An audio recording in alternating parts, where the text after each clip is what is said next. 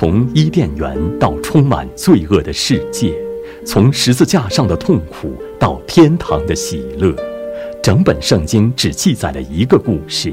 这个故事讲述的是主耶稣基督。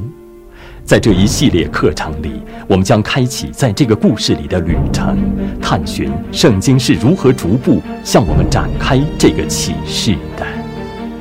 上帝所造的世界原本是完美的，但亚当犯罪，破坏了这个完美的世界。然而，上帝不会允许罪统治世界，他降下了审判，用大洪水淹没了全世界。只有一条得救之路——方舟。但这个古老的故事如何显明了主耶稣基督呢？挪亚方舟和普世性的大洪水的故事，可能是旧约圣经中最广为人知的故事之一。这个故事毫无疑问能够吸引孩子们的心，但它也如实的记录了上帝对世界的那次无与伦比的大毁灭。从亚当时代到挪亚时代，似乎发生了很多事情，人类似乎严重的偏离了正路。大洪水发生时，世界被永远改变了，但上帝在这个故事中提供了一个使人有盼望的核心信息，这个信息进一步显明了他的救恩计划的本质。那么，《创世纪》第四和五章在神学上的意义是什么呢？关于挪亚时代人类堕落的状况，我们了解到了什么？审判和救恩是彼此对立的吗？亦或救恩是借着审判到来的？在大洪水之后，上帝与挪亚所立的约如何促进了上帝的救赎计划，指引我们理解接下来的圣经历史？在这一刻中，我们将会看到上帝关于他自己、他的百姓和他的救恩计划的启示。我们将会依次考察洪水之前、洪水期间和洪水之后的时期。上帝把恩典和愤怒这两个主题交织在一起，显明了救恩必须借着审判才能到来。那么，我们首先来考察一下大洪水之前的时期。在大洪水之前，上帝显明了《创世纪》第三章十五节中提到的两种后裔将会有很大的差别，有不同的人生轨迹。我们在《创世纪》第四章中可以看到教会与世界之间的第一个差别，它们分成两个支脉，都走到了挪亚时代。我们将要探讨这两个支脉在大洪水前的状况。我们首先来探讨敬虔的后裔这一支脉的情况。我们从创世纪第三章十五节中知道，中保将要从敬虔的这一脉而出。创世纪第四章是创世纪第三章十五节中所记载的应许的第一次主要应验。两种后裔之间的征战是从上帝命定的敬拜开始的。该隐成了第一个。假冒伪善的被盗者，亚伯是第一个大有信心的殉道士。我们发现了大洪水之前上帝教会的几个特征。我们在创世纪第四章四节的末尾看到了上帝关于他所命定的敬拜的启示。耶和华看中了亚伯和他的供物。我们必须基于这个条件。来到上帝面前，按照上帝命定的敬拜方式，而不是按照我们自己喜欢发明或臆想出来的方式。希伯来书第十一章四节说：“亚伯因着献献祭与上帝，比该隐所献的更美。”我们知道，信心是对上帝圣言的回应。罗马书第十章十七节教导我们说。可见，信道是从听道来的，听道是从基督的话来的。虽然创世纪第四章没有明确记载，但亚伯显然是回应了上帝的圣言，按照上帝的命令向上帝献上了敬拜。我们还看到了上帝设立了献祭制度，这是接下来的历史的根基。以后，摩西将会颁布关于献祭制度的更详细的命令。毫无疑问，这一切都指向基督的献祭，以及若不流血，罪就不得赦免这一真理。亚伯这个词的含义实际上是虚空，这是传道书向我们阐述的主题。亚伯死后，敬虔的后裔这一脉借着赛特延续下去。我们在经上读到，起名叫赛特，意思说上帝另给我立了一个儿子代替亚伯。赛特的儿子以诺士出生之后，我们在经上读到，那时候人才求告耶和华的名，敬虔之人聚集在一起敬拜上帝。现在教会第一次以有形的方式出现了，与周围的世界形成对比。如果你们继续读经，将会看到以诺是镜前的链子上指向挪亚的另外一环。在创世纪第五章二十二节中，我们读到以诺与神同行；还有第二十四节，以诺与上帝同行，上帝将他取去，他就不再世了。表示同行的希伯来词指的是日常交往。例如，想一想《生命记》第六章七节，那里说：“你要殷勤教训你的儿女，上帝的圣言，无论你行在路上，躺下起来，都要谈论。”那是上帝希望我们做的事情。《希伯来书》第十一章五节在谈到以诺时说：“上帝喜悦他。”所以，与上帝的属灵团契仍在继续。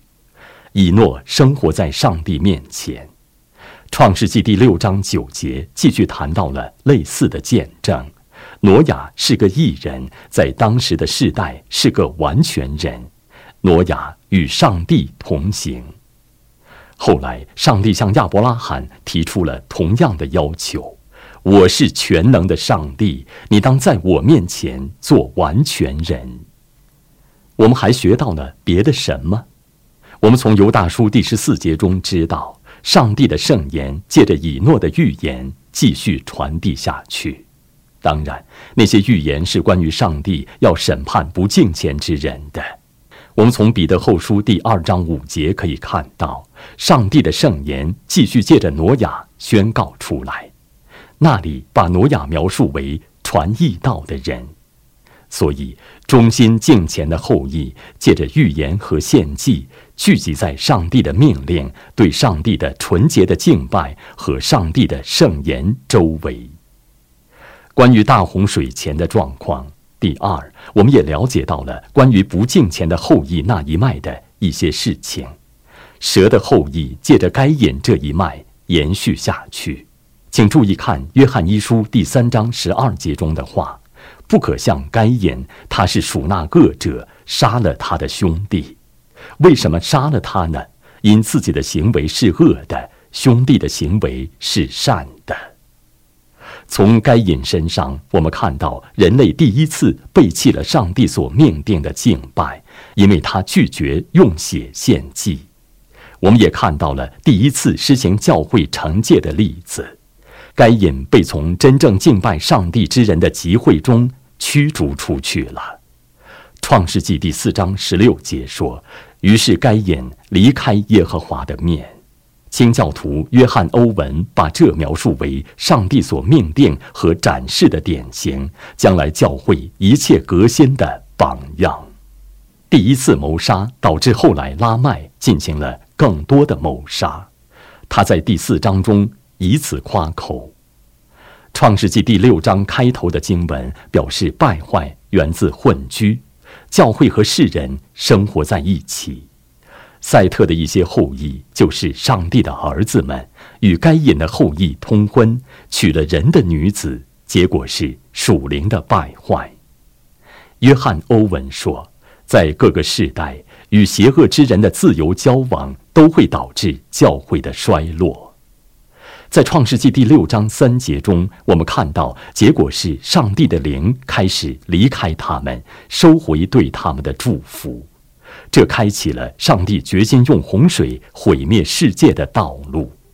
罪恶的水闸导致审判的水闸开了，上帝敬虔的分隔原则被违反和代替了。女人的后裔和蛇的后裔结成了邪恶的联盟。这带领我们来到了挪亚时代。我们在创世纪第六章五节中读到：“耶和华见人在地上罪恶很大，终日所思想的尽都是恶。”请注意这些经文中所描述的关于罪的六件事。首先，我们看到罪是天生的，罪是生来就有的。稍后在第八章二十一节中，你们会注意到这一点：人从小时心里怀着恶念，所以罪是天生的或生来就有的。第六章五节中把这描述为人的罪恶。第二。我们看到了罪的严重程度，上帝说人的罪恶很大。第三，罪的总数尽都是恶。第四，我们看到了最扭曲的创造性，圣经把这描述为思想，这是基于人是按照上帝的形象造的，在工作上具有创造性这一概念。第五，罪的内在性。人心中的思想，还有第六，罪是排他的，罪只是邪恶。我们可以在此之上再加上一点，即第七点，罪是习惯性的。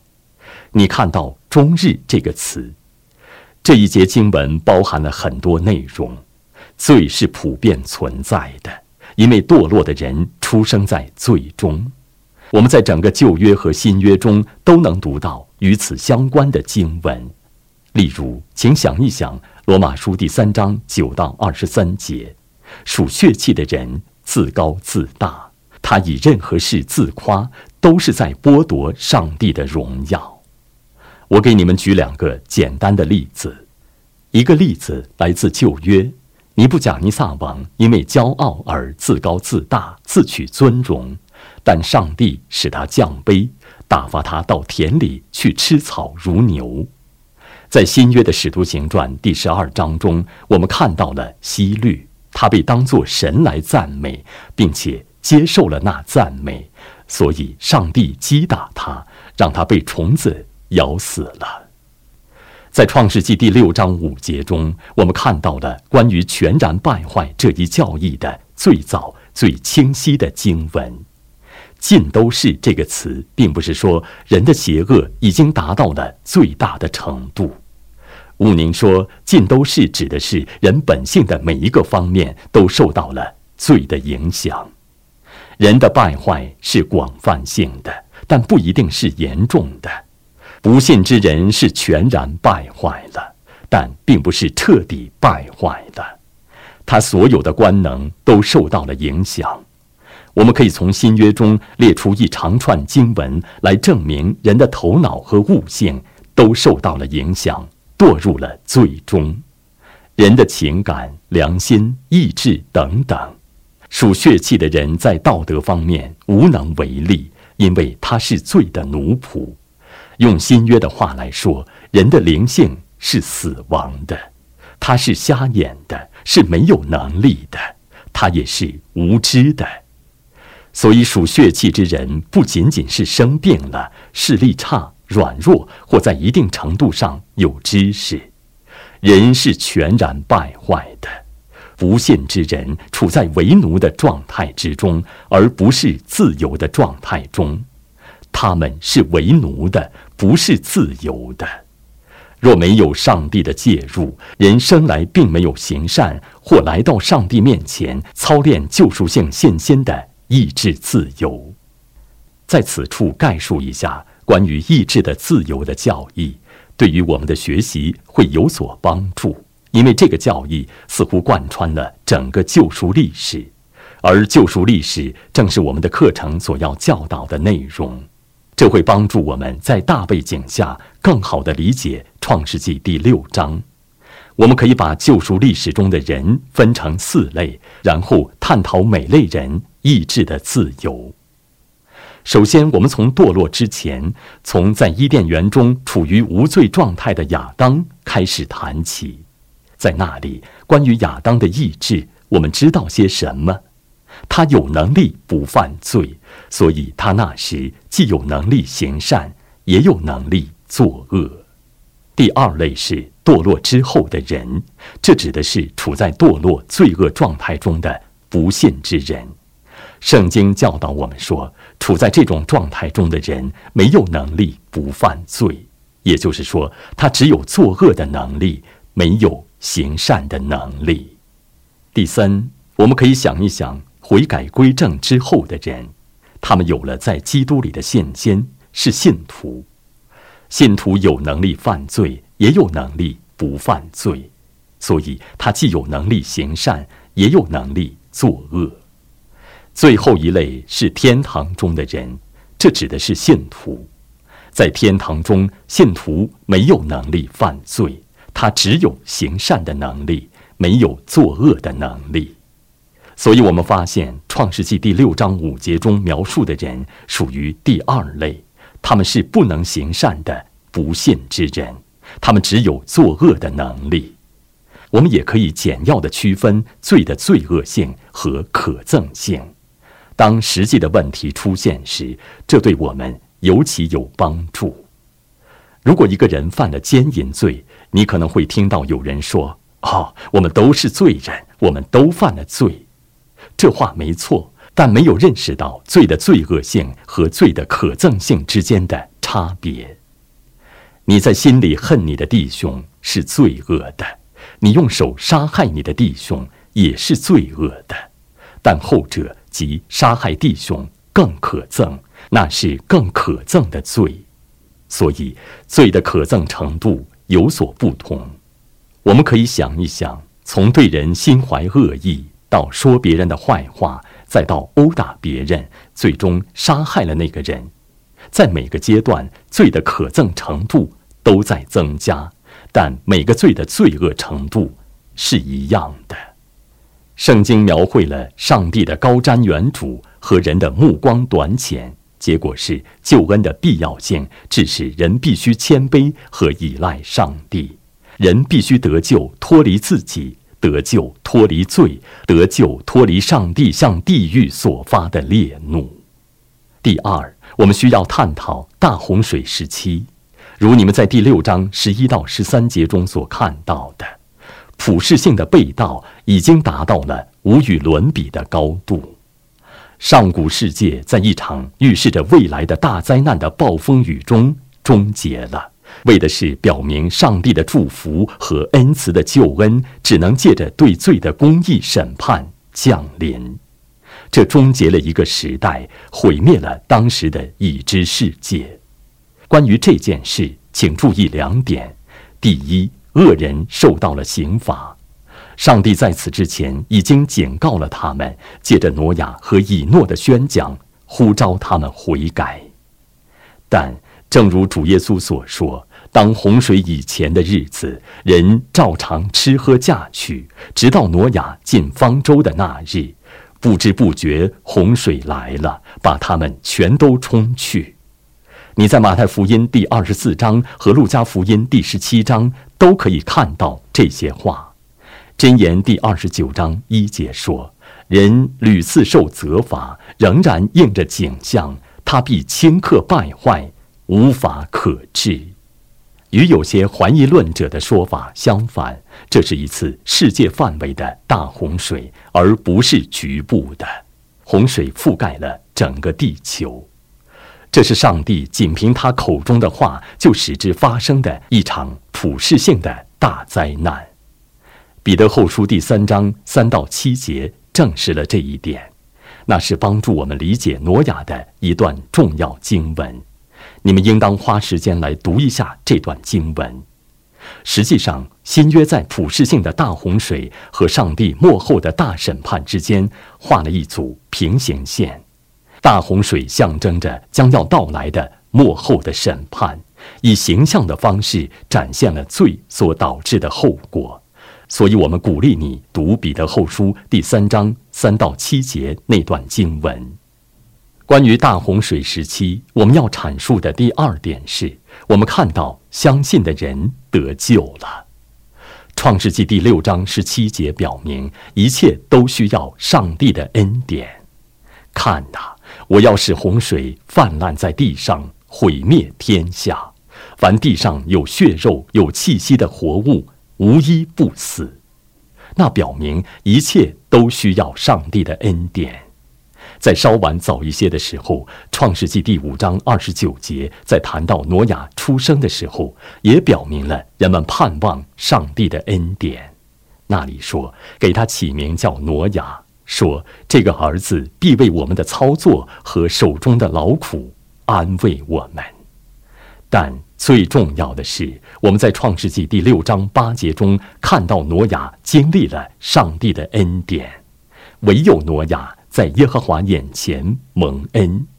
这句话的前提是，挪亚也寻求和渴望上帝的恩典，他找到了自己所寻求的，他是个公义正直的人，与上帝同行。因此，在创世纪第八章中，我们听到那里说，上帝纪念挪亚。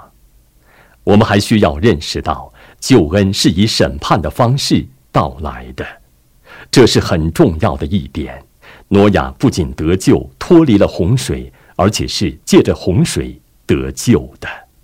这是彼得前书第三章二十节所说的话，就是那从前在挪亚预备方舟，上帝容忍等候的时候。不信从的人，当时进入方舟借着水得救的不多，只有八个人。因此，彼得借着基督的复活，把洗礼和成圣的含义联系在一起。当上帝的审判之水从信徒身上流过时，他们是借着基督的死亡和复活得救的。洁净那个败坏的世界的水，拯救了方舟里的人。挪亚有被那个邪恶的世界吞噬或毁灭的危险，洪水毁灭了世界，同时洪水也拯救了教会，使之与那个邪恶的世界分隔开了。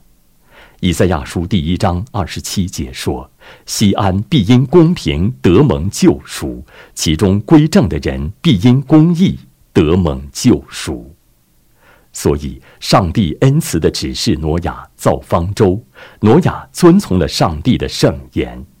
上帝提供了一个方舟，上帝呼唤他们进入方舟，上帝把他们关在了方舟里面。上帝纪念在方舟里的他们，然后上帝带领他们出了方舟。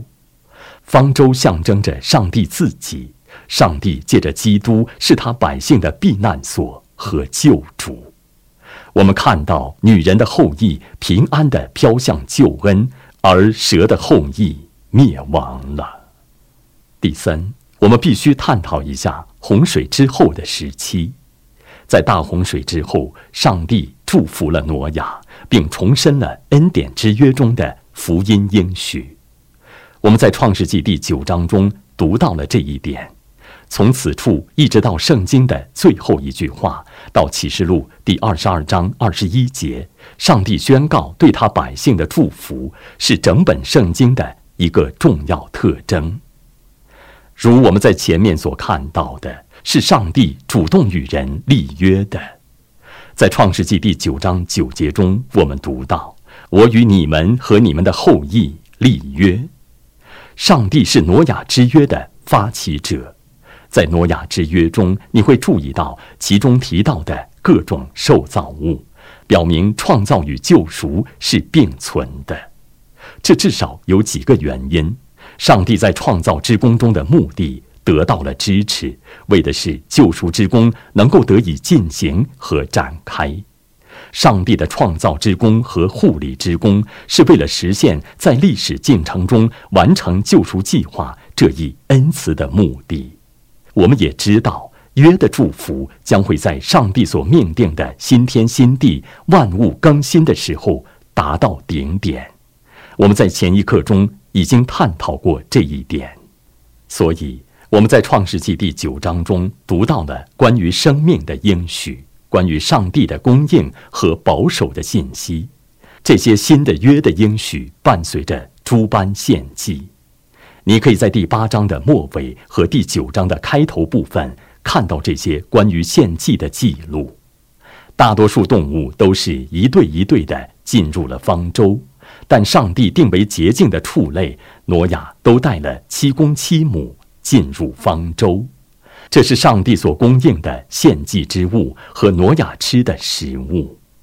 我们在创世纪第八章二十节中第一次看到圣经里提到了祭坛，上帝的恩典之约再次借着献祭和流血坚立了。圣经中早早的在我们心中植入了对基督的盼望，基督将会于很久以后在设立圣餐时说：“这杯是用我血所立的新约，是为你们流出来的。”你们将会注意到，上帝为这个恩典之约提供了一个永久性的记号，即彩虹。我们在第九章十三节中读到：“我把红放在云彩中。”这可做我与地立约的记号了。第十六和十七节重复了这一点。这是另一块基石，因为恩典之约的记号将会成为我们学习的主要内容，成为我们将来的学习中的特征性的内容。我们还应当注意到，这个约具有家族性的原则，即约的应许把信徒的家人都包含在内。挪亚自己是个有信心的人，他相信福音，并借着在基督里的信心得救了。他相信上帝的圣言。挪亚因着信，既蒙上帝指示他未见的事，动了敬畏的心，预备了一只方舟，使他全家得救，因此就定了那世代的罪，自己也承受了那从信而来的义。请注意，上帝把约的祝福不仅赐给了信徒挪亚，也赐给了他的儿女。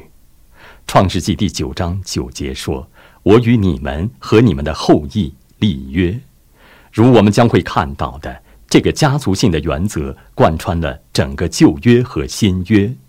当彼得在使徒行传第二章三十九节中宣讲福音的时候，说了类似的话。他说：“因为这应许是给你们和你们的儿女。然而，与上帝立约的家族承受约的应许，这不等同于这个家族的所有人都真正悔改归正了，都具有救赎性的信心。也就是说，他们并没有都借着信心接受应许。因着含的悖逆和背约，蛇的后裔又从女人的后裔内部兴起了。”韩的家族被从上帝百姓的集会中赶逐出去了。你从创世纪第九章二十五到二十七节中可以看到这一点。但我们也要想一想前面的道路。我们正在探讨大洪水之后发生的事情。在上帝降下大洪水之后，世界从挪亚重新开始，但有一些东西是持续存在的。例如，在创世纪第九章中，我们看到我们在学习第二课时所提到的创造之初的那些命令是持续存在的。我们看到人里面仍然保存了上帝的形象。如今，在第九章六节中，借着对杀人者执行死刑来保护人里面上帝的形象，上帝仍然把关于救恩的约的应许赐给人类。总之，我希望你们注意《创世纪》第九章末尾处的一些重要的事。这些事对于我们理解和看待救赎进程具有重要意义。在第九章二十六和二十七节中，我们读到，又说：“耶和华闪的上帝是应当称颂的。”愿迦南做闪的奴仆，愿上帝使雅福扩张，又使他住在闪的帐篷里，又愿迦南做他的奴仆。我们看到了什么？我们看到闪将要建造帐幕，迦南的后裔将要借着服饰进入那帐幕里。约书亚记告诉了我们这是怎样实现的，但雅福的后裔将会使那帐篷变得很大。我们在此处已经看到了上帝在救赎历史中的长期计划。上帝将会使用闪的后裔犹太人来建立他的约和教会，将来外邦人要进入其中，并使之大大扩张。福音的应许将要传遍全世界。在上帝赐给亚伯拉罕的应许中，明确强调了这一点。我们在下一课中将会探讨这个内容。但这个应许最终是在《使徒行传》及其后的书卷中实现的。上帝的计划和救赎进程，将来的道路是光明的。我们已经知道，上帝借着审判彰显了他救恩的荣耀。在下一课中，我们将要继续探讨上帝在亚伯拉罕时代的启示。我们希望你们已经因我们在这一课中所探讨的内容而受到鼓舞。下次继续跟罗伯特·麦克利牧师一起踏上学习之旅，更深入地研究圣经神学，并问这个问题：上帝的计划借着与亚伯拉罕立约，有了怎样的进展？